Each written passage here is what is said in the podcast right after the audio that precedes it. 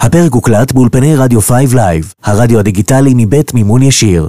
5live.co.il עכשיו, אוף, גוזל!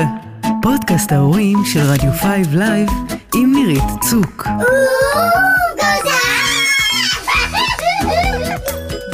היי לכולם, איזה כיף להיות פה היום יחד איתכם בתוכנית הראשונה של אוף גוזל, פודקאסט ההורות החדש שלנו, שיעסוק בכל מה שקורה בשטח, מאתגר, מעניין אותנו ההורים. אה, אנחנו נהיה פה מדי יום ראשון בשעה שלוש, נדבר על הנושאים הכי בוערים, נושאי הורות, חינוך, משפחה וילדים. תצטרפו אלינו, בכל שבוע נארח פה מרואיין אחר. ויחד איתו נצלול אה, לעומק לשיחה מעניינת, ובכל שבוע גם תהיה לנו אה, פינה אקטואלית ומלאת הומור של אה, יניב מורוזובסקי, הוא ולא אחר, אה, שיספר על חוויותיו כאב לשלוש בנות. היי יניב. אהלן. אז תכף מתחילים, אני נירית צוק, מומחית למחקר תרבות הילד והנוער, מנכ"לית פורטל 10 פלוס להורים. אה, והיום נדבר בעצם על אה, מוטיבציה. אה, אתם יודעים, אנחנו נמצאים רגע לקראת uh, סיום המחצית הראשונה של השנה. הילדים שלנו נמצאים ממש עכשיו בעיצומה של uh, תקופת המבחנים. זה הזמן הכי uh, לחוץ ומטורף מבחינתם. זה בדיוק המאני טיים שהם צריכים ככה להשקיע כמה שיותר, אבל יש ילדים שדווקא בשלב הזה מאבדים כל, כל תקווה, נכנסים לאיזה ייאוש, מאבדים מוטיבציה. אז היום נדבר על מוטיבציה בכלל, ומה עושים כשהילד מאבד את הרצון ללמוד.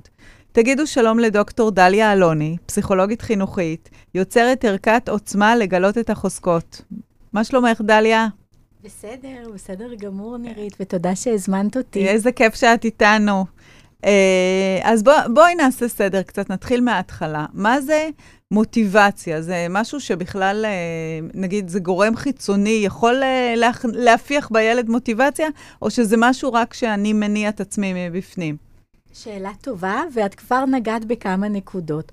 קודם כל, אני חייבת להגיד לגבי הטיימינג, לגבי העיתוי בשנה, זה ממש ממש רלוונטי, הנושא של מוטיבציה. ביום חמישי הייתה בגרות בלשון. תלמידים ביסודי כבר קיבלו תעודות לפני שבוע, השבוע הבא מקבלים גם בחטיבות ובתיכונים. כן, בחטיבה הם ממש אומרת, עכשיו אה, מועדי ב' ועבודות כן. להגשה והשלמות. אז אנחנו יודעים שזה באיזשהו מקום, כשכבר נותנים אה, איזושהי תעודת מחצית, אנחנו מסתכלים על ההישגים שלנו ושואלים את עצמנו במה אנחנו רוצים להשקיע או במה אנחנו אה, רוצים להשתפר במחצית השנייה, לאן אנחנו רוצים להגיע. וזה כבר כבר, כבר נוגע בעצם בהגדרה של מוטיבציה, כי מוטיבציה זה באמת איזשהו תהליך, זה המניע, זה בא מהמילה הנאה, okay. אוקיי. הנאה בעין, והכוונה היא באמת למה מניע אותנו, מה מביא אותנו לפעול כמו שאנחנו רוצים לפעול. עכשיו, את נגעת גם בשאלה בעצם, האם זה דברים חיצוניים, כן. או דברים שהם uh, פנימיים. והתשובה היא גם וגם, כמו תמיד, שיש את המרכיבים, קודם כל, אה, אם אנחנו מסתכלים על אה, מוטיבציה, יש גם את המרכיב אה, הקוגניטיבי, השכלי, וגם את המרכיב הרגשי. יש דברים שאנחנו עושים מתוך הנאה רגשית. מה למשל? לאכול שוקולד. כי בא לי שוקולד. פתאום לעזוב הכל, להחליט שאני יוצאת והולכת לים ולא נשארת בעבודה, או לא מנקה את הבית, הולכת עם חברות, יוצאת להופעה, כל מיני דברים כאלה שבא לי לעשות ברגע הזה. שזה לא כל כך אולי תמיד מסתדר עם הרציונל, עם החשיבה לטווח ארוך למשל. כן. עם זה שאני יודעת שבסדר, אז התגמול יהיה יותר מאוחר, אבל אני צריכה עכשיו לוותר על ההנאות בטווח הקצר, כדי שבאמת אני אוכל להשיג מטרה יותר גדולה בטווח הארוך. מה, ומה מה ההבדל? כלומר, מה זאת הנאה שכלית בעצם? הנאה שכלית זה היכולת שלנו בעצם לתכנן. זה הדרך שאנחנו נעשה, הצבת המטרה והדרך שנעשה ואיך אנחנו נחלק את הדרך הזאת פרקים, בעצם לתחנות, לצמתים, שיובילו אותנו בסוף למטרה הרבה יותר גדולה. עכשיו, בשביל זה אנחנו צריכים לפעמים, קודם כל, בשלות מסוימת. כי למשל, יש ילדים שקשה כן. להם לדחות סיפוקים ולהבין דברים בטווח הרחוק. הם רוצים כאן ועכשיו. וצריך איזושהי בשלות ובגרות, למשל, שמגיעה יותר בחטיבה, בתיכון, אצל תלמידים, כדי להסביר להם ששווה לך להשקיע כבר בכיתה י' ובי"א, כדי להיות מוכן לבגרויות ב, באמת בסוף י"ב. מה את רואה עכשיו בשטח? את רואה, אני מניחה שאת רואה גם את הילדים האלה שיותר קשה להם, גם בגילי יסודי, המון. לא רק uh, חטיבה ותיכון. את רואה ילדים שממש, אה, מה, מוותרים, לא מתמודדים עם הלחץ? כן, אני רוצה להגיד לך שרק בשבוע שעבר ישבתי בחדר המנהלת, ונכנסה תלמידה שהגיעה לבגרות בלשון, והחליטה שהיא מוותרת ולא ניגשת. וואו. היה לה קשה. היה לה קשה. באותו רגע, כאילו, המוטיבציה שלה הייתה מאוד גבוהה לקום, לבוא, לגשת למבחן. אבל באותו רגע שהיא כבר הייתה שמה, היא הבינה שזה מעל לכוחותיה, והיא פשוט ויתרה באמת. ואז מה? היא יצאה מהחדר ואמרה, כן, אני יצא, לא עושה את הבגרות? כן, יצאה, היא שהיא לא עושה את הבגרות. היא תבוא במועד ב', היא תבוא בבגרות אה, קיץ, היא, ת, היא תשלים את זה יותר מאוחר. וזה תהליך, זאת אומרת, כדי להגיע למצב שעושים את הבגרויות בי"ב, אנחנו יודעים שאנחנו צריכים לעשות תהליכים עם הילדים. זה לא שילד קם בבוקר וניגש לבגרות, הוא בעצמו צריך להפגין בגרות וללמוד, להגיע לתגבורים, לתכנן את uh, הלו"ז שלו, לוותר לפעמים על לצאת עם חברים. זאת אומרת, למה? מתוך רעיון, מתוך חשיבה, שאנחנו מסבירים אם את כבר דיברת גם קודם על המוטיבציה החיצונית והפנימית, כן. אז בתור אה, אנשי חינוך, אנחנו, או בתור הורים, נורא חשוב לנו להסביר לילד שהבגרות חשובה, או שאיזושהי בכלל מטרה היא חשובה, וכדאי לו להשקיע בה. כן, אבל בואי, בואי נדבר, בואי נפתח את זה, בסדר? ה- להסביר לילדים, להפעיל עליהם לחץ. אני חושבת שהורים היום, יש הורים שאיבדו את זה. כאילו, ה- ה- הרצון שהילד יצליח, ואני מדברת גם על היסודי, לא רק ה... על, אפילו על ההכנה לכיתה א'. הרצון שהילד שלי יהיה הצוקרברג הבא, והוא יהיה הילד הכי מושלם שאפשר, חוץ מהתמונות שאני מעלה ברשת, וכאילו הילדים שלי חבל על הזמן, כן. הלחץ שמפעילים על הילדים הופך לאט לאט ללא פרופורציונלי. אה, את רואה גם את הדברים האלה בשטח? אני מאוד רואה. מאוד רואה. גם את הלחץ ביסודי, כמו שאת אמרת, וגם את הלחץ, למשל, כשצריך לבחור יחידות לימוד למתמטיקה. את יודעת איזה מכה זאת עבור uh, הורים שציפו שהבת שלהם תהיה בחמש יחידות מתמטיקה, ארבע יחידות, והיא הגיעה למחצית השנה עכשיו, בכיתה י', כן. והיא לא מצליחה. היא קיבלה 20... זאת אותה ילדה עם הלשון? 40, לא, מישהי אחרת. יש עוד. וכשהיא הביאה את הציון הנמוך, והמורה התקשרה ואמרה, מספיק עם הלחץ הזה על הילדה. באמת, אם היא קשה לה, והיא רואה והיא באמת מבינה בצורה יותר uh, איטית, אז עדיף uh, שבאמת היא תיגש לשלוש יחידות, אבל זו, זאת הייתה באמת דילמה, כי היא הרגישה שהלחץ מצד ההורים כגודל הציפיות, כן. כך גודל האכזבות, היא כן, לפעמים מרוב לחץ אתה כבר לא רוצה כלום. אתה פשוט אומר, נכון. אני לא אעמוד בזה, וזהו, ודי, אני לא רוצה יותר כלום. אתה מוותר. וזה אחד הדברים שנורא חשוב לנו להעביר את המסר לילדים, שגם אם אתה לא משיג את היעד שלך, כן. אז הפתרון זה לא לוותר, שיש בעצם עוצמה, יש איזושהי דרך, יש פרקים בדרך, ויש גלים. יש גלים. מוטיבציה זה לא משהו שהוא ליניארי ושהוא הולך רק מנקודה אחת לנקודה שנייה בצורה ישרה. מוטיבציה, אנחנו יודעים את זה גם על עצמנו, זה משהו שמשתנה, זה בגלים. יש תקופות שיש לנו יותר מוטיבציה ללכת לחדר כן. כושר, למשל, אפילו נכון. דברים כאלה. לדברים שאנחנו יודעים שאנחנו רוצים לעשות, אבל בכל זאת, יש ימים שיותר קשה לנו, אנחנו עייפים, ויש לנו פחות מוטיבציה. אותו דבר גם לגבי ילדים. גם אם בגדול הם רוצים תעודה טובה וציונים טובים וללמוד. מעניין אותם מקצוע אחד, שני מקצועות, אני לא אומרת את הכל, אבל יש ימים שזה קשה, ואז איך אנחנו מתייחסים ואיזה מסר חשוב אנחנו מעבירים לילדים. שגם כשאתה נמצא באיזושהי אה, ירידה כלשהי כן. במוטיבציה שלך, אז אתה בכל זאת נותן לעצמך רגע לנוח, שואל את עצמך, מה המשאבים שלך, מה החוזקות שלך, איך אתה תאסוף את עצמך, תתארגן כדי לעלות ולהמשיך שוב בדרך הזאת, ולהגיע אז, למטרה. אז בעצם מה את מציעה להורים? מה, מה, איך אנחנו יכולים לעזור לילדים, אה, אם בכלל? קודם כל, יש הרבה דברים שאפשר לעשות גם מצד ההורים. אני חושבת שהדבר הראשון שהייתי אומרת הוא קודם כל תקשורת. תקשורת כן. ודיאלוג. בגלל שחשוב נורא לזהות אם המוטיבציה של הילד היא יותר פנימית או חיצונית. מה המוטיבציה המודעת שלו ומה המוטיבציה בתת-מודע.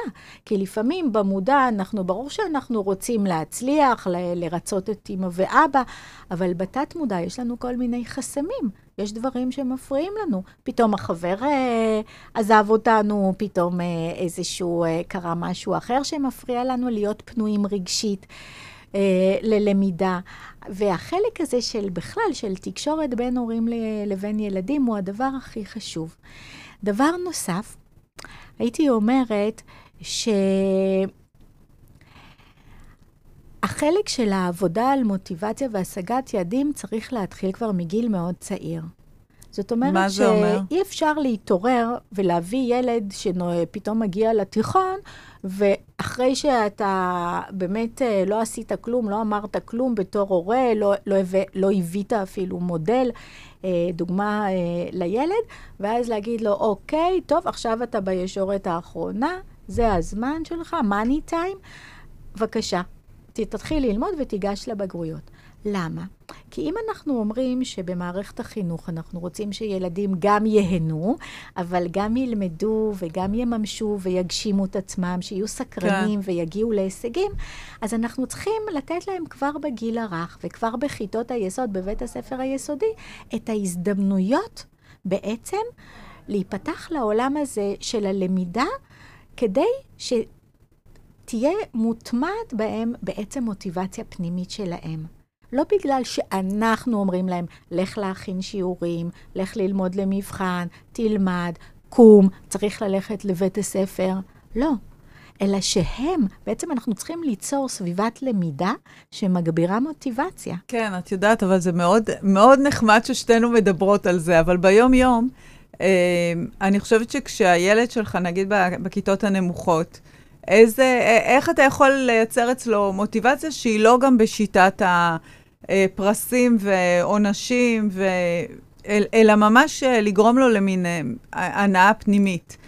אה, אז למשל, אני יכולה להגיד ב... שהייתי ממליצה אה, מאוד על למידה חווייתית.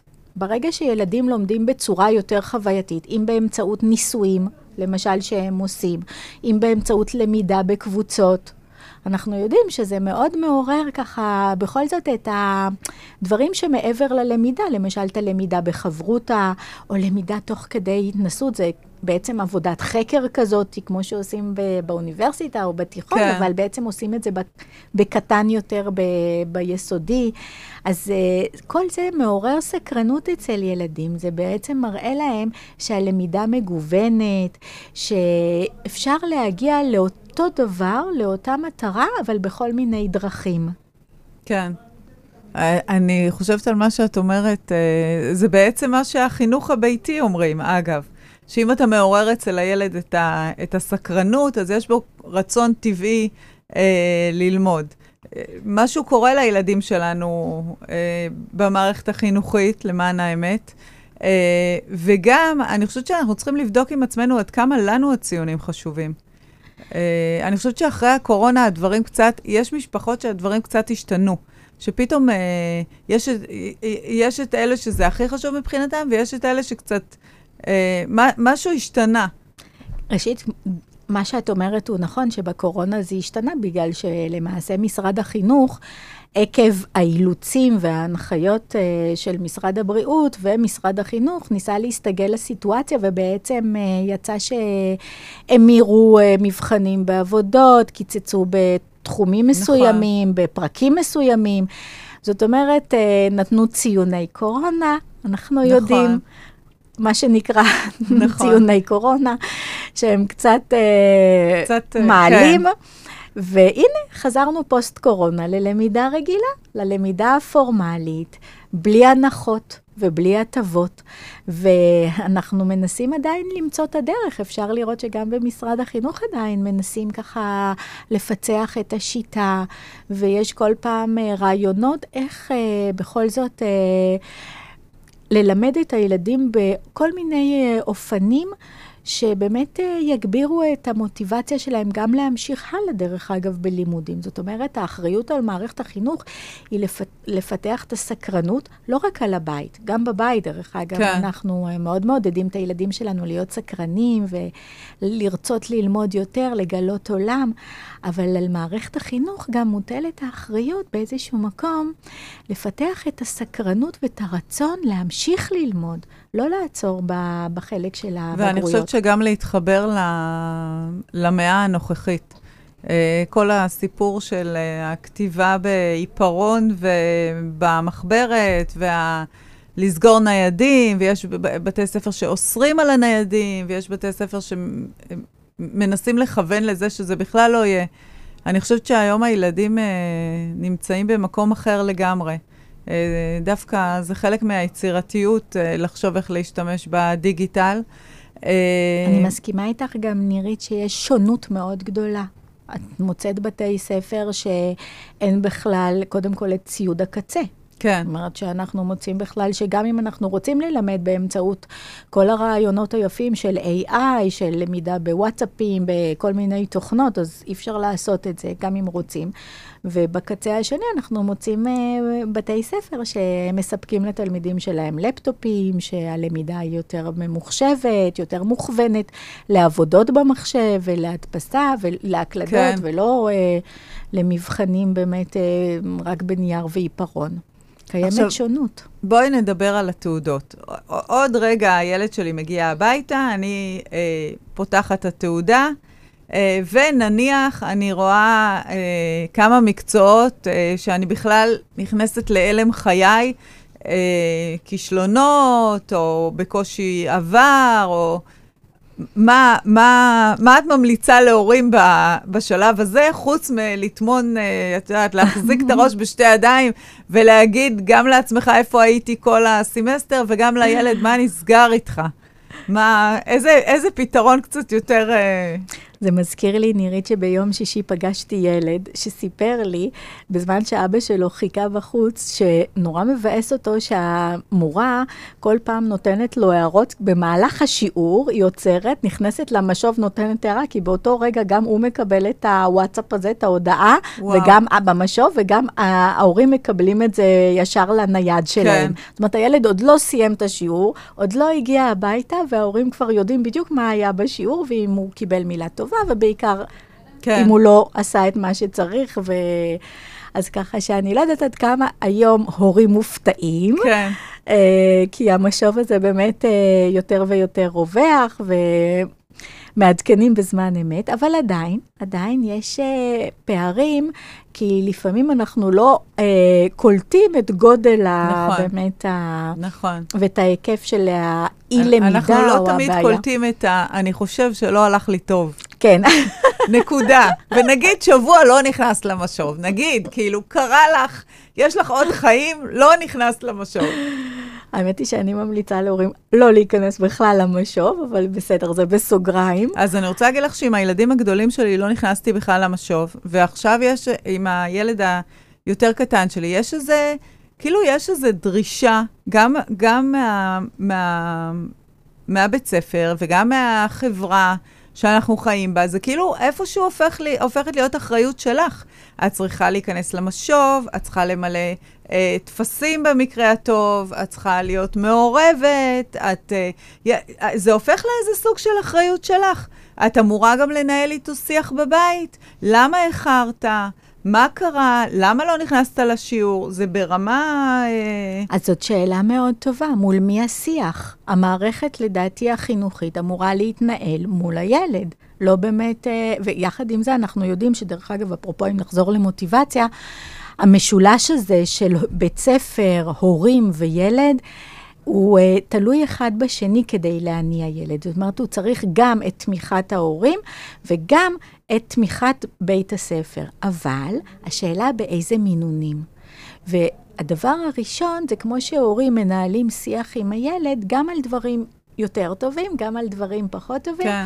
זה באמת שגם בית הספר ידע לשבח, לתת אה, ככה באמת אה, גם מחמאות על המקומות ולראות את הילד במיטבו, מתי הוא כן היה בסדר, מתי הוא תרם לשיעור, מתי הוא השתתף ולהעיר, וגם להעיר לו גם כשצריך להשתפר.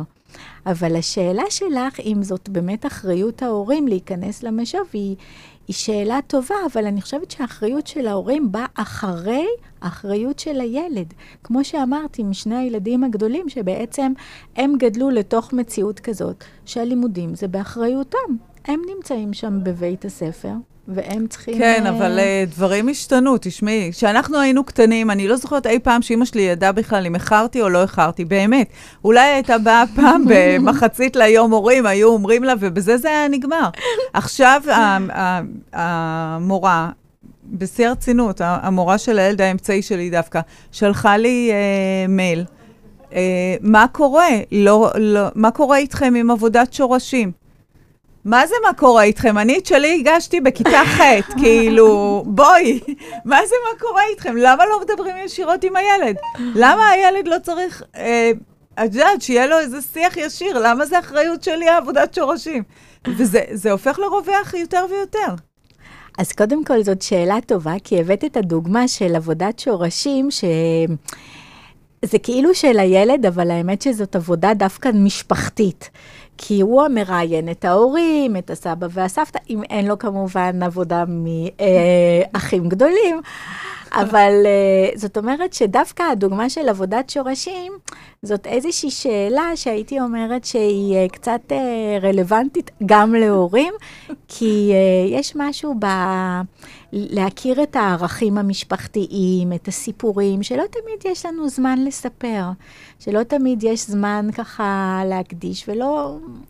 אז כאילו זאת דוגמה דווקא... אז את דבקה באמירה שלך שזה משולש, אה, שהאחריות בו...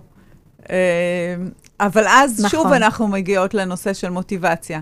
ואז כי, אנחנו כי אם מגיעות... זה היה, אה, את יודעת, דיברתי לא מזמן, אגב, עם מורה פרטית למתמטיקה, ואמרתי לה, בואי נקבע אה, אה, לאחד הילדים שלי, אני לא אנקוב בשמות אה, אה, שיעורים.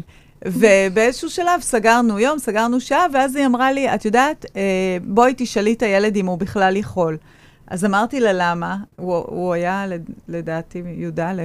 אמרתי לה, למה? אז היא אמרה, כי הרבה פעמים, אם הייתי צריכה ללמד את האימהות, לא הייתה בעיה, אימהות עם מוטיבציה. אבל לפעמים הילדים עצמם בכלל לא רוצים מורה פרטי. וזה היה ממש ככה. אה, באמת? אה, כן. אז בסיפור של המוטיבציה, כאילו, האחריות... איך אני, אני חוזרת עוד פעם לשאלות, איך אני מניעה את המוטיבציה? אז כאן את נוגעת באמת בשאלה של עבודה מול התלמידים עצמם, מול הילד כבר. אז אני אומרת שאם אנחנו נתחיל עוד בגיל הרך, זה באמת אה, לפתוח אותו לעולמות הלמידה, להראות לו שהלמידה יכולה להיות מגוונת גם באמצעות היוטיוב, באמצעות הגוגל, אפשר ככה באמת להראות לו שהיום זה ממש... אה, תחום מאוד מאוד רחב. את מדברת על בית הספר? שזה כן. אחריות של בית ספר להראות כן, לו? כן, בהחלט. אוקיי. בהחלט, על בית הספר. להראות לו את מגוון הערוצים שאפשר כן. ללמוד בהם. לא רק אה, בלמידה פורמלית, בלשבת אה, בשורה ראשונה מול הלוח, ולעשות כן. דברים אחרים, בחוץ, עם חברים. אבל אם את מדברת באמת בגיל קצת יותר מאוחר, אז uh, אנחנו יודעים שלכל אחד יש מוטיבציה אחרת. זאת אומרת שיש לנו הרבה סוגים של מוטיבציות, אין מוטיבציה אחת. כמספר האנשים, אנחנו ככה יכולים להגיד שכל אחד יש לו, זה משהו סובייקטיבי. יש אנשים, למשל, או ילדים שמונעים מאוד ממוטיבציה באמת uh, חברתית. של מה שהחברים עושים, מה שהקבוצת השתייכות שלך אה, עושה, זה מה שאתה תעשה. אם המוטיבציה שלך היא חברתית, להיות כמו כן. כולם בחבר'ה שלך, ונקלעת לקבוצה ש... של חנונים כאלה שאוהבים ללמוד, שאפילו ככה נהנים לפתור תרגילים גם בזמנם החופשי נגיד, משהו כזה אידיאלי. אז אתה גם תהיה כמוהם, אתה תמצא שפה משותפת איתם. כן. אז יש את המוטיבציה החברתית. יש מוטיבציה של אה, למשל אה, להיות במקום שמעריכים אותך. שאתה באמת בא ממקום של סמכות ידע, שאתה יכול uh, להגיד, הנה, אני יודע, שבא מהמקום, יש מוטיבציה שבאה מהמקום של הגשמה עצמית. יש אנשים, ש... ילדים שאנחנו כבר רואים, שמאוד מאוד אוהבים ללמוד, והם מרגישים שבקבוצות דיון, בלמידה, הם מגשימים את עצמם, הם אוהבים לחקור, לגלות עולמות אחרים, וזה נותן להם משהו שקשור לביטחון ולערך העצמי שלהם, זה תורם כן. להם. ויש את המוטיבציה של באמת אה, להיות הילד הטוב בשביל ולרצות את ההורים, כי הוא יודע, ש... היא יודעת שזה מה שמצפים. זאת אומרת שכל אחד... או את המורה, אחד, אגב, אם נכון, יש יחסים טובים. או את המורים, טובים. את הדמויות סמכות, נכון. כן. אז uh, השאלה היא, uh, מה המוטיבציה? איך, אנחנו צריכים באמת לנסות לזהות, יחד עם הילדים, קודם כל, מה הם היו רוצים, ואיך אנחנו יכולים לזהות את זה. נירית, אני אגלה לך סוד. יש יאללה. לי שאלה שאני תמיד תמיד אוהבת לשאול ילדים, וגם מבוגרים אוהבים לענות עליה. אני תמיד שואלת, מתי הייתה התקופה הטובה ביותר בחיים שלך? ילדים. So, כן, ילדים. אני, את רואה, את שואלת ילד בן שש, אני בגיל שלוש, וואלה, זה היה זמנים. נכון, אני, אני לא, רוצה לא להגיד שוכח את זה עד היום. תקשיבי, אני שומעת סיפורים מקסימים על הפעוטון. ילד אחד סיפר לי, שהיום הוא כבר גדול, הוא בחור, הוא סיפר לי שהתקופה הטובה ביותר בחיים שלו הייתה כשהוא היה במעון, שהם רצו, הוא זוכר בחצר, הם שיחקו קצת עם כדור, כדורגל, וכולם רצו אחריו, והוא אה, בעט בכדור, וכל פעם הלך והתקדם 아, יותר. אה, יפה. כן, והוא זוכר את זה. איזה קטע. כן, וילד אחר סיפר לי שהתקופה הטובה ביותר בחיים שלו הייתה כשהביאו לו את הכלב שלו הקטן, את הגור כלבים, ואז הוא נכנס איתו ל... טיפל בו. ללול הזה של הכלבים, כן, וישן, ונרדם איתו, וטיפל בו. יפה. אז כל אחד, עכשיו, אני בהתחלה חשבתי, אני אומרת לך את האמת, שאפשר לשאול את השאלה הזאת רק ילדים בוגרים כן. ומבוגרים. ולאט לאט ראיתי שאני יורדת בגיל ויורדת, ושואלת גם ילדים צעירים, והיום אני יודעת שגם ילד בכיתה א', אתה יכול לשאול אותו מתי הייתה התקופה הטובה ביותר בחיים שלך, והוא יענה.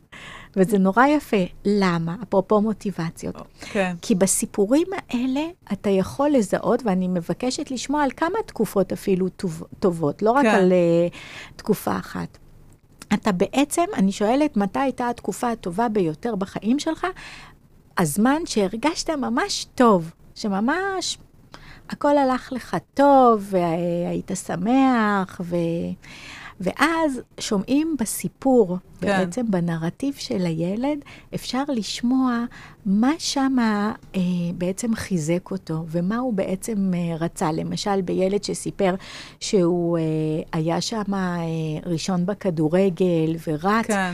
אז אפילו שמדובר בילדים בני שלוש-ארבע, אנחנו שומעים על ההכרה החברתית. כן. על ההכרה של החברים שלו בזה שהוא זריז, שהם ראו אותו. החברה ראתה אותו, לא דיבר על גננת שנתנה לו מדליה או משהו כזה. כן. הוא סיפר על המקום החברתי.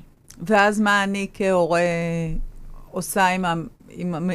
בסדר, נניח שאלתי את הילד שלי, ו- והבנתי מה אני עושה עם המידע הזה, איך אני ממשיכה עוד שלב. אז השלב הבא, יפה, אז אחרי שזיהינו בעצם אה, מה היה שם שחיזק את הילד, מה היה שהניע אותו, מה גרם לו ככה להרגיש טוב, כן. אז השלב הבא זה לשאול אותו, אוקיי, אבל עכשיו אתה בבית ספר, יש את המקצוע הזה והזה שאתה פחות אה, משקיע בו. כן. המון פעמים, דרך אגב, זה לא שילד לא יודע, אלא פחות אה, באמת אה, לומד בתחום הזה. אולי כי אתה פחות אוהב, אז מה אפשר לעשות כדי שיהיה לך יותר קל, כדי שתצליח יותר? ואני תמיד מפנה קודם את השאלה הזאת לילדים. כן. ואז גם כן שומעים תשובות ככה הם יודעים, מעניינות. אגב? הם יודעים מה יכול לעזור להם? כן. למשל, אני, אפרופו זה, יש ילדה אחת שאמרתי לה, תקשיבי, אולי את צריכה לשבת קצת יותר קרוב. אז היא אמרה לי, לא, אני בקבוצה הראשונה דווקא, אני יושבת ממש קרוב למורה וללוח. אז אמרתי לה, אז מה עוד יכול לעזור?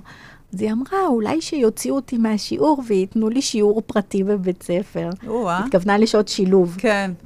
שתהיה המורת שילוב שתעשה לה תיווך ותסביר. אז במילים פשוטות, במילים פשוטות, אבל ה- זה מתקשר למה שאת אמרת קודם, שאנחנו בעצם מעבירים את האחריות ומפתחים בילד לא רק את היכולת ללמוד, אלא כן. להסתכל על עצמו מבחוץ ולראות מה יכול לעזור לו בתהליכי הלמידה.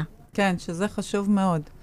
אז בעצם אה, אני ככה אה, רוצה לשאול אותך שלב אחרי שלב מה עושים, אבל לפני זה אני אשאל אותך, מה לא כדאי לעשות? יש איזה משפטים, למשל, כן. שלא כדאי... אה, ש, שפשוט יודעים. עדיף לעצור את עצמך ולא להגיד אותם? כן. ילדים שפחות, אה, המשפטים שהכי מורידים מוטיבציה, האמת, זה הביקורת. מש, ביקורת. ברגע שאנחנו ביקורתיים, ולא מספיק לנו ה-82, כי אנחנו אומרים, מה, יכולת להוציא 90. כן. ולא מספיק ה-90. אני ראיתי, את לא למדת. אני ראיתי אותך. כן. את הלכת עם חברות, את יכולת לשבת יותר. כן. אז כל המשפטים האלה של ביקורת מאוד מאוד אה, פוגעים, קודם כל פוגעים.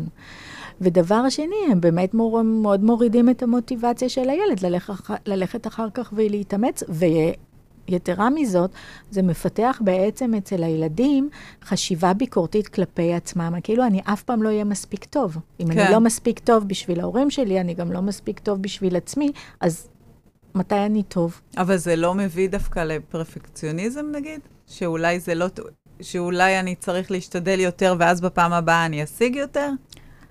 זה מביא... שאת אומרת שיש דרכים אחרות ל- לעשות את זה. יש דרכים אחרות. הביקורת כן. לא, אלא להפך. החיזוקים, התגמולים. תקשיבי, יש גם uh, מה שאנחנו קוראים לו תגמול חיצוני. שמה זה אומר? שזה אומר שיש, אה, אנחנו רוצים ללמד את הילד, שנכון שאנחנו צריכים מוטיבציה פנימית, אבל לפעמים מה שעוזר לנו זה בעצם אה, חלק מתיאוריות הלמידה, ברגע שאנחנו יודעים שאנחנו מקבלים בסוף איזשהו פרס. עכשיו, היינו רוצים שהכל יהיה מתוך מוטיבציה פנימית ומתוך כן. uh, זה שאנחנו מבינים את הערך. שבכל דבר שאנחנו רוצים להציב לעצמנו, אם זה בלמידה, בלהגיע להישגים בספורט, כל מיני דברים, אבל לפעמים אנחנו צריכים גם איזשהו תגמול חיצוני. אז מה, היית אומרת פרס. לילד, אתה רוצה את הנעליים של, אה, לא יודעת מי, זה התורן, אני קונה לך אם יהיה לך ציונים טובים? לא הייתי אומרת משהו אה, חומרי, אבל הייתי שואלת אותו, מה היית רוצה? קודם כל, אם כבר זה חוויה להציע, משהו של חוויה משותפת, זאת אומרת, אה, בוא נלמד יחד ולהראות לו שהוא לא לבד. נלמד יחד למבחן, נעזור לך, נעשה איזשהו מאמץ. כי, כדי שתבין יותר טוב את החומר, כדי שיהיה לך יותר קל בשיעור, זה לא בשבילנו. אני כן. כל פעם אומרת לילדים הרי שבסופו של דבר כל ה... הדבר הזה זה לא בשבילי. כן. זה לא בשביל ההורים שלהם, זה באמת בשבילהם, כדי לפתח בהם איזושהי אה, יכולות וחוזקות אה, שיובילו אותם אחר כך גם להגשים את עצמם, לממש, להגיע להישגים. אז אני לא אומרת, אני, אבטיח, אני מבטיחה לך איזשהו פרס חיצוני, אבל אני שואלת אותו, תגיד, מה הכי הכי יעזור לך ויעודד אותך וככה אה, תרצה לקבל בסוף המאמץ הזה. תקשיבי, באולימפיאדה נותנים מדליה. נכון. אתה עושה מאמץ, פורץ גבולות של הגוף, נכון. מגיע פיזיולוגית לכל מיני אה, דברים מדהימים, אתה מקבל גם את ההכרה, הערכה, כן. ובסוף מדליה קונקרטית. משהו מאוד קונקרטי. ולמה? כי קודם כל זה פועל על כולנו. כן. לקבל בסוף את הדבר הקונקרטי. Uh, ויש גם את מה שאנחנו מקבלים מאחרים ומה שאני נותן לעצמי, אפרופו תגמולים מה חיצוניים. מה זה אומר? זאת אומרת שיכול להיות שאני אגיד לעצמי, הנה, אם אני אלך לחדר כושר uh, ארבע פעמים בחודש הזה, בשבועיים הקרובים, כן. אז אני ארשה לעצמי לעשות uh, משהו שממש כיף לי. זאת כן, אומרת, אבל זה לא, זה לא מחזיק מעמד בלי... את יודעת, אז אתה מתאמן, אז יש לך את האנדרופינים. כאילו, אם אתה גם מתאמן וסובל, זה, זה לבד לא יחזיק מעמד. כאילו, אתה צריך גם עד היעד, אה, שיהיה ככה איזה דברים קטנים שמעודדים אותך. נכון.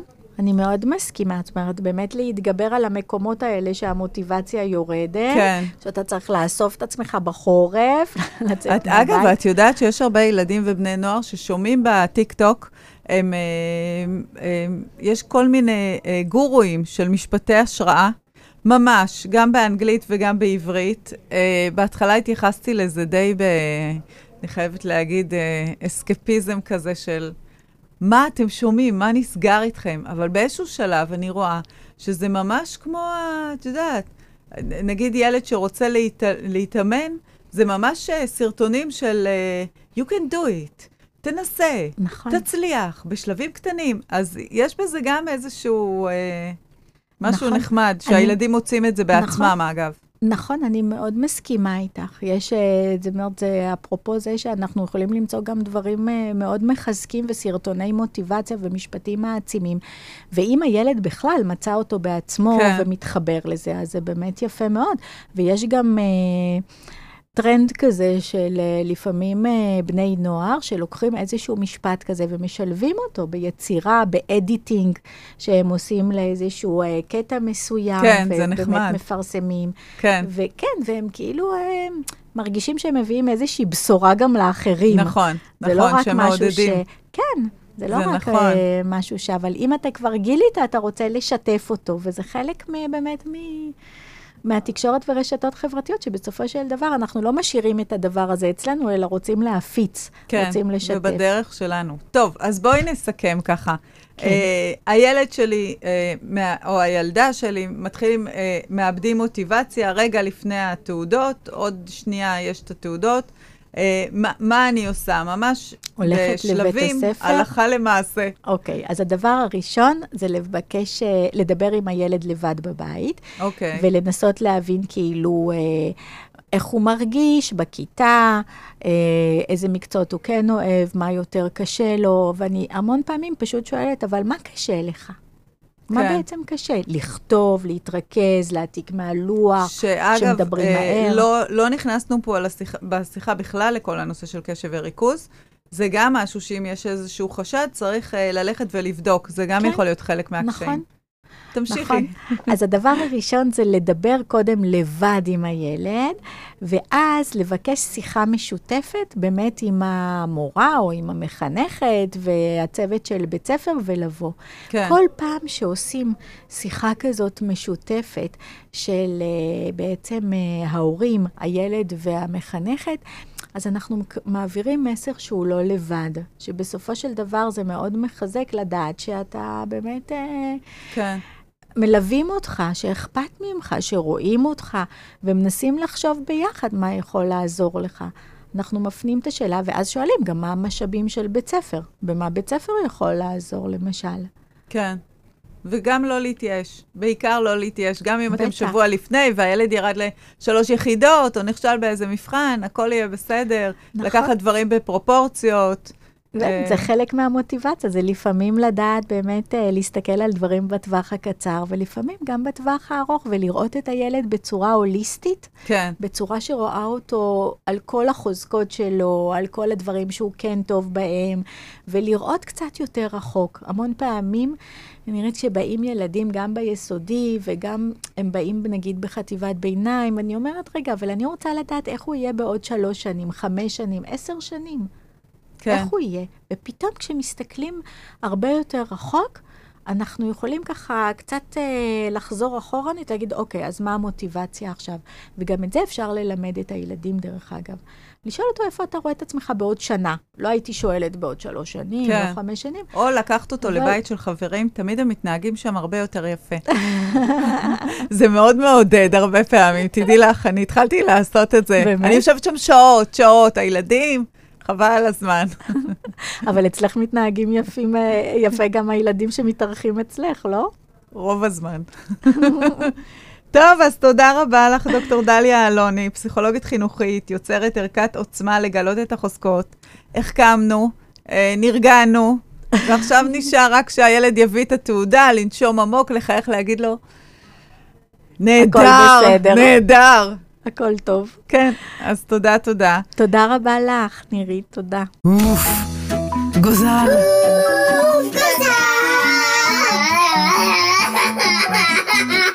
עם נירית צוק. טוב, אז דיברנו על uh, מוטיבציה, היה מעניין, ועכשיו נעבור לפינה שלנו, יניב מורוזובסקי. לא הבנתי, את חיברת מוטיבציה אליי עכשיו? איך זה קרה העניין הזה? עכשיו אנחנו נדבר על חוסר מוטיבציה. או, או, עכשיו, עכשיו זה נשמע בסדר. כן. יניב מורוזובסקי, אב לשלוש בנות, ששומר על מוטיבציה בתפקוד גבוה. אתה בואי. כן. אתה יודע, אומרים שהילד השלישי, יש לך אה, ילדה שלישית, נכון. מזל טוב. תודה, תודה. אז uh, כל הסבתות תמיד אומרות, בטח, תעשה ילד שלישי, הוא מגדל את עצמו. אז תגידי לסבתא שיבוא לגדל לי אותו, כי זה לא מתאים לי העניין הזה. אה, היי, נירית, קודם כל ברכות על. התוכנית. תודה, תודה לך. פעם אחרונה שעשית תוכנית ברדיו, זה היה יניב מורוזובסקי, אבא לשתי בנות. נכון, התפתחנו, נכון, ממש. התפתחנו מאז. אה, כן, אז אה, אה, יש כבר ילדה שלישית, כפרה עליה. חגיגה שלושה חודשים. שבוע שעבר. מזל טוב. וואו. וזה, מוזר אחרי תשע שנים שלא נכנסת לתחום. וואו. עוד פעם להיכנס לתחום הזה. זה מאוד מאוד שונה. אז קודם כל, המון דברים שכבר שכחתי שהם קיימים, אתה נזכר בהם שוב. מה למשל? לדוגמה, אה, הם נולדים ואתה אומר, אה, זה ככה כאילו? זה, זה, זה ג'לי כזה, זה לא, זה לא באמת מתקשר איתך. ואז יש את היום הזה אה, בלילה, שבשלוש בלילה אשתי מעירה אותי, יניב, קום, יניב, קום, תראה, היא מחייכת, היא מחייכת, היא מחייכת, ואז אתה פותח טרוט עיניים, את הזה, ומסתכל, ואתה רואה... עווית קטנה כזאת, שהיא לא באמת חיוך, אולי בדיוק נכנס לה משהו לשן שאין לה, לא יודע מה זה היה. אז uh, זה בינתיים, כאילו, השלב הזה, למרות שעכשיו באמת היא כבר התחילה. היא, היא, היא, היא, היא גם מחייכת, אבל היא בעיקר מריירת. זה מה שהיא עושה. אתה מרים אותה ואתה מקבל נחיל של uh, נוזלים שניגרים לך על המצח בזמן שאתה זה, אבל, uh, אבל יש בזה משהו נחמד, סך הכל. אתה יודע מה לי היה הכי קשה? אצלי גם הילדים בפערים כאלה גדולים. כן. היה לי הכי קשה, אני חושבת שה, שהילד הקטן שלי נולד, שרציתי להגיד להם, טוב, אה, תישארו פה דקה, אני קופצת להביא אה, קפה מבחוץ, חמש דקות להתאושש, ואז קלטתי, אין מצב, הם לא באמת. אין מצב. לא, לא, לא. אין, לא. אין עם מי להשאיר אותו, זה רק אני. רק את. תקשיבי, יש, יש, לי, יש לה קטנה שתי אחיות, אחת בת עשר ואחת אה, בת תשע, ואז אתה לא... הן, הן תמיד היו מאוד מאוד שונות אחת צוות. מהשנייה. אבל... לא, לא, אבל שונות, הפכים אה? מוחלטים. עכשיו, הבינונית היא כאילו אנרגיה, שמחה, וזה, אז היא באה אליה כל היום, זוהר שלוי, זוהר שלוי, זוהר שלוי. עכשיו, השעה שש בבוקר, היא ערה, ואתה אומר, מצד אחד אתה רוצה לקחת את הטוב הזה, ושהיא תיקח רגע את הטוב הזה ואת התינוקת, ותיתן לי רגע להתעורר. מצד שני, היא באה אליך למיטה, זוהר שלוי, בוא תשחק, מי חמודה, מי נשקוע, מי שם. לא, אני לא יכול, זה נורא קשה. מצד שני, יש את הילדה הגדולה. הגדולה היא ילדה אחראית, רצינית, וזה, היא באה באמת, אני גם רוצה אותה, אני רוצה להחזיק אותה, אני רוצה להיות איתה, תנו לי אותה, למה לא איתה, תני לי אותה, אני רוצה... ואז אתה נותן לה אותה, מסובב את הראש להרתיח את התא מ-4 לקפה שלא הספקת לשתות, ואז אתה מרגיש מאחורי הגב, הגב כזה, מה, אתה מסתובב? קח אותה, למה אתה לא לוקח אותה? תק- 14 שניות על השעון. וואו, וואו, היא יכולה עשר דקות לבקש אותה, לקבל אותה, ברגע שהתינוקת עושה, "אה", היא מיד מוסרת, אני לא רוצה קשר לדבר הזה, קחו את זה ממני. זהו, תעזבו אותי, תעזבו אותי. לגמרי. אבל להיכנס לתחום הזה של הורות מחדש, כאילו, אתה מתמודד עם דברים שכבר שכחת לגמרי ש... שעושים. שקיימים. גם הלא לישון בלילה. עזבי לו לישון בלילה. מחלק מנות. מי זוכר את הדבר הזה בכלל? אני צריך ללכת לקנות מחלק מנות? מה זה מחלק? עכשיו אני... בואי, אני כבר הייתי שם, עכשיו את מחזירה אותי למחלק מנות? אני כבר רציתי מנה פלאפל? מה זה- מה- מחלק מנות? נורא קשה, אבל, אבל אתה מתרגל, אה, מתרגל לזה בסוף. אה, מה עוד רציתי להגיד לך? אה, כן, כמובן. אה, ב, בילדה הזאת, יש לנו חוויה מתקנת שאימא שלה יכולה להעניק אותה. זה לא, לא הלך בפעמים הראשונות, ונוצר ביניהן קשר מדהים. עכשיו, מצד אחד זה נורא כיף, כן. ומעורר קנאה. אה, היא יכולה להחזיק אותה, היא מחייכת, היא צוחקת, היא מרימה אותה, זה... כש... כשהיא בידיים שלי יש תמיד מבט כזה של אי נוחות. אתה לא אימא. מה, זה לא נוח לי. אבל אז אתה אומר, אבל אני שם אותך בדיוק בזווית שהייתה, שהיית עליה. לא, לא בישיבה, לא בשכיבה, זה תמיד כזה, זה לא, זה לא כזה נוח, אתה לא יודע בדיוק איך, איך לתפוס את הזווית הזאת, ותמיד יש לך את המבט, יש לה את המבט הזה של, אתה לא מאכיל אותי. מי אתה אצלי, בכלל? כן, אתה לא מאכיל אותי. אה, עכשיו, אני מנסה לפעמים בקבוקים וזה, אבל לא, היא ילדה שרוצה מאימא. לא יעזור כלום. גם אם זה בקבוק, זה מאימא. אולי זה... מקור הזה. אבל זה טוב, כי בינתיים יהיה לך זמן להיזכר באיך מחלקים מנות. אה, לגמרי, לגמרי. אתה יכול לעמוד במטבח זה מסתובב, ולנסות. והאבקה יוצאת, זו טכנולוגיה מטורפת שלא השתנתה כבר המון המון שנים. והטמפרטורה של המים, וואו, איך שכחתי מזה כבר. נכון? את. יודעת שמוכרים עכשיו בחנויות מכשיר שמקצר את הזמן, אני לא יודע בכמה, אה, ומכין לך את הבקבוק, הוא, הוא מחמם את המים לטמפרטורה הנכונה, ואז הוא שם את האבקה בכמות הנכונה, ואז הוא... באמת? כן, הוא כאילו עושה לך את כל הת... עכשיו אתה אומר, מה השלב הבא? כאילו, אולי תביאו מכשיר גם שמאכיל אותה, וגם זהו, זה מחליף לה את החיתול בשלוש זה בלילה. יכול להגיע גם עם איזה רובוט או בן אדם שגם יכול להאכיל אותה כל הלילה? כאילו, אנשים מדברים על ה-AI ועל ה-GPT וכל הזה, ואתה אומר, רבאק, יש מכשיר שמכין לך את הבקבוק בלילה. זה הרבה יותר, הרבה יותר מעניין. אבל אתה מנסה להבין איך, בעיקר, כאילו, איך להתמודד עם כל מיני סיטואציות כמו הרדמות, שכבר שכחת איך לעשות את זה, ו, ו, וכל הטכנולוגיה הזו הגיעה גם ל, ל, ל, לבת הקטנה שלי, כי היא, יש לה איזה קטע כזה שהיא רוצה לישון, אוקיי? אז היא מסתכלת לך בבת שהיא רוצה לישון, ואז אתה מכניס את המוצץ, אתה רואה שיש אישור כזה, טט-טט, שהמוצץ נקלט, וואו. ואז אחרי 20 שניות יש הודעת שגיאה, פונג, והמוצץ יוצא. עכשיו, ברגע שיש את ההודעת שגיאה, זהו, אתה מתחיל עוד פעם את כל התהליך מחדש. עכשיו, אתה לא מבין, אני כתבתי את הקוד. אני אומר לך, זה אמור לעבוד. אני מסתכל עליה, היא מסתכלת עליה, אומר, אוקיי, אני מכניס את המוצץ, טוטט, יש קליטה, אתה רואה את המוצץ זז בתוך הפה, ואז אחרי 20 שניות, פאם, הוא יוצא. תסכול, תסכול ענק וחוזר של חלילה כל וחוזר הצדדים חלילה. המעורבים אותי, בפרשה. איך היה שישי שבת? ככה. וואו, פאם, וואו, המוצץ. יוצא. אה, אבל... אה, צריך להמציא, אנחנו נתנו פה רעיונות מדהימים לאנשים לפתח, אה, נכון. אתה יודע, דברים טכנולוגיים, זרוע כזאת שמכניסה את המוצץ שוב. לגמרי. זה נכון? הרבה יותר חשוב מהמכשיר שמכין בקבוקים. ממש. זה. לוקח. כן, מוצ... מכשיר שמכניס לך את המוצץ בחזרה. תחשבי כמה היינו יכולים לישון עם זה. כזה חבל על צריך. הזמן, ממש, יואו, ממש. אני רץ לפתח את זה עכשיו, נירית. נראה לי שזה מה שנעשה. מצוין. אז תודה רבה לך, יניב, היה כיף. תודה. והנה, כן, עוד הסיום שלנו. ממש מגיע. עכשיו, אוף, גוזל! פודקאסט ההורים של רדיו 5 Live עם נירית צוק.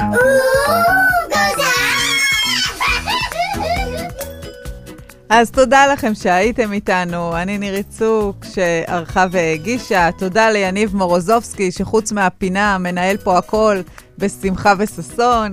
אתם מוזמנים לשלוח לנו תגובות, שאלות, הודעות בפייסבוק של רדיו 5 Live מבית מימון ישיר, ואנחנו נתראה בתוכנית הבאה, יום ראשון הבא, בשעה שלוש. תגיעו, שווה. יאללה ביי. הפרק הוקלט באולפני רדיו 5 Live, הרדיו הדיגיטלי מבית מימון ישיר.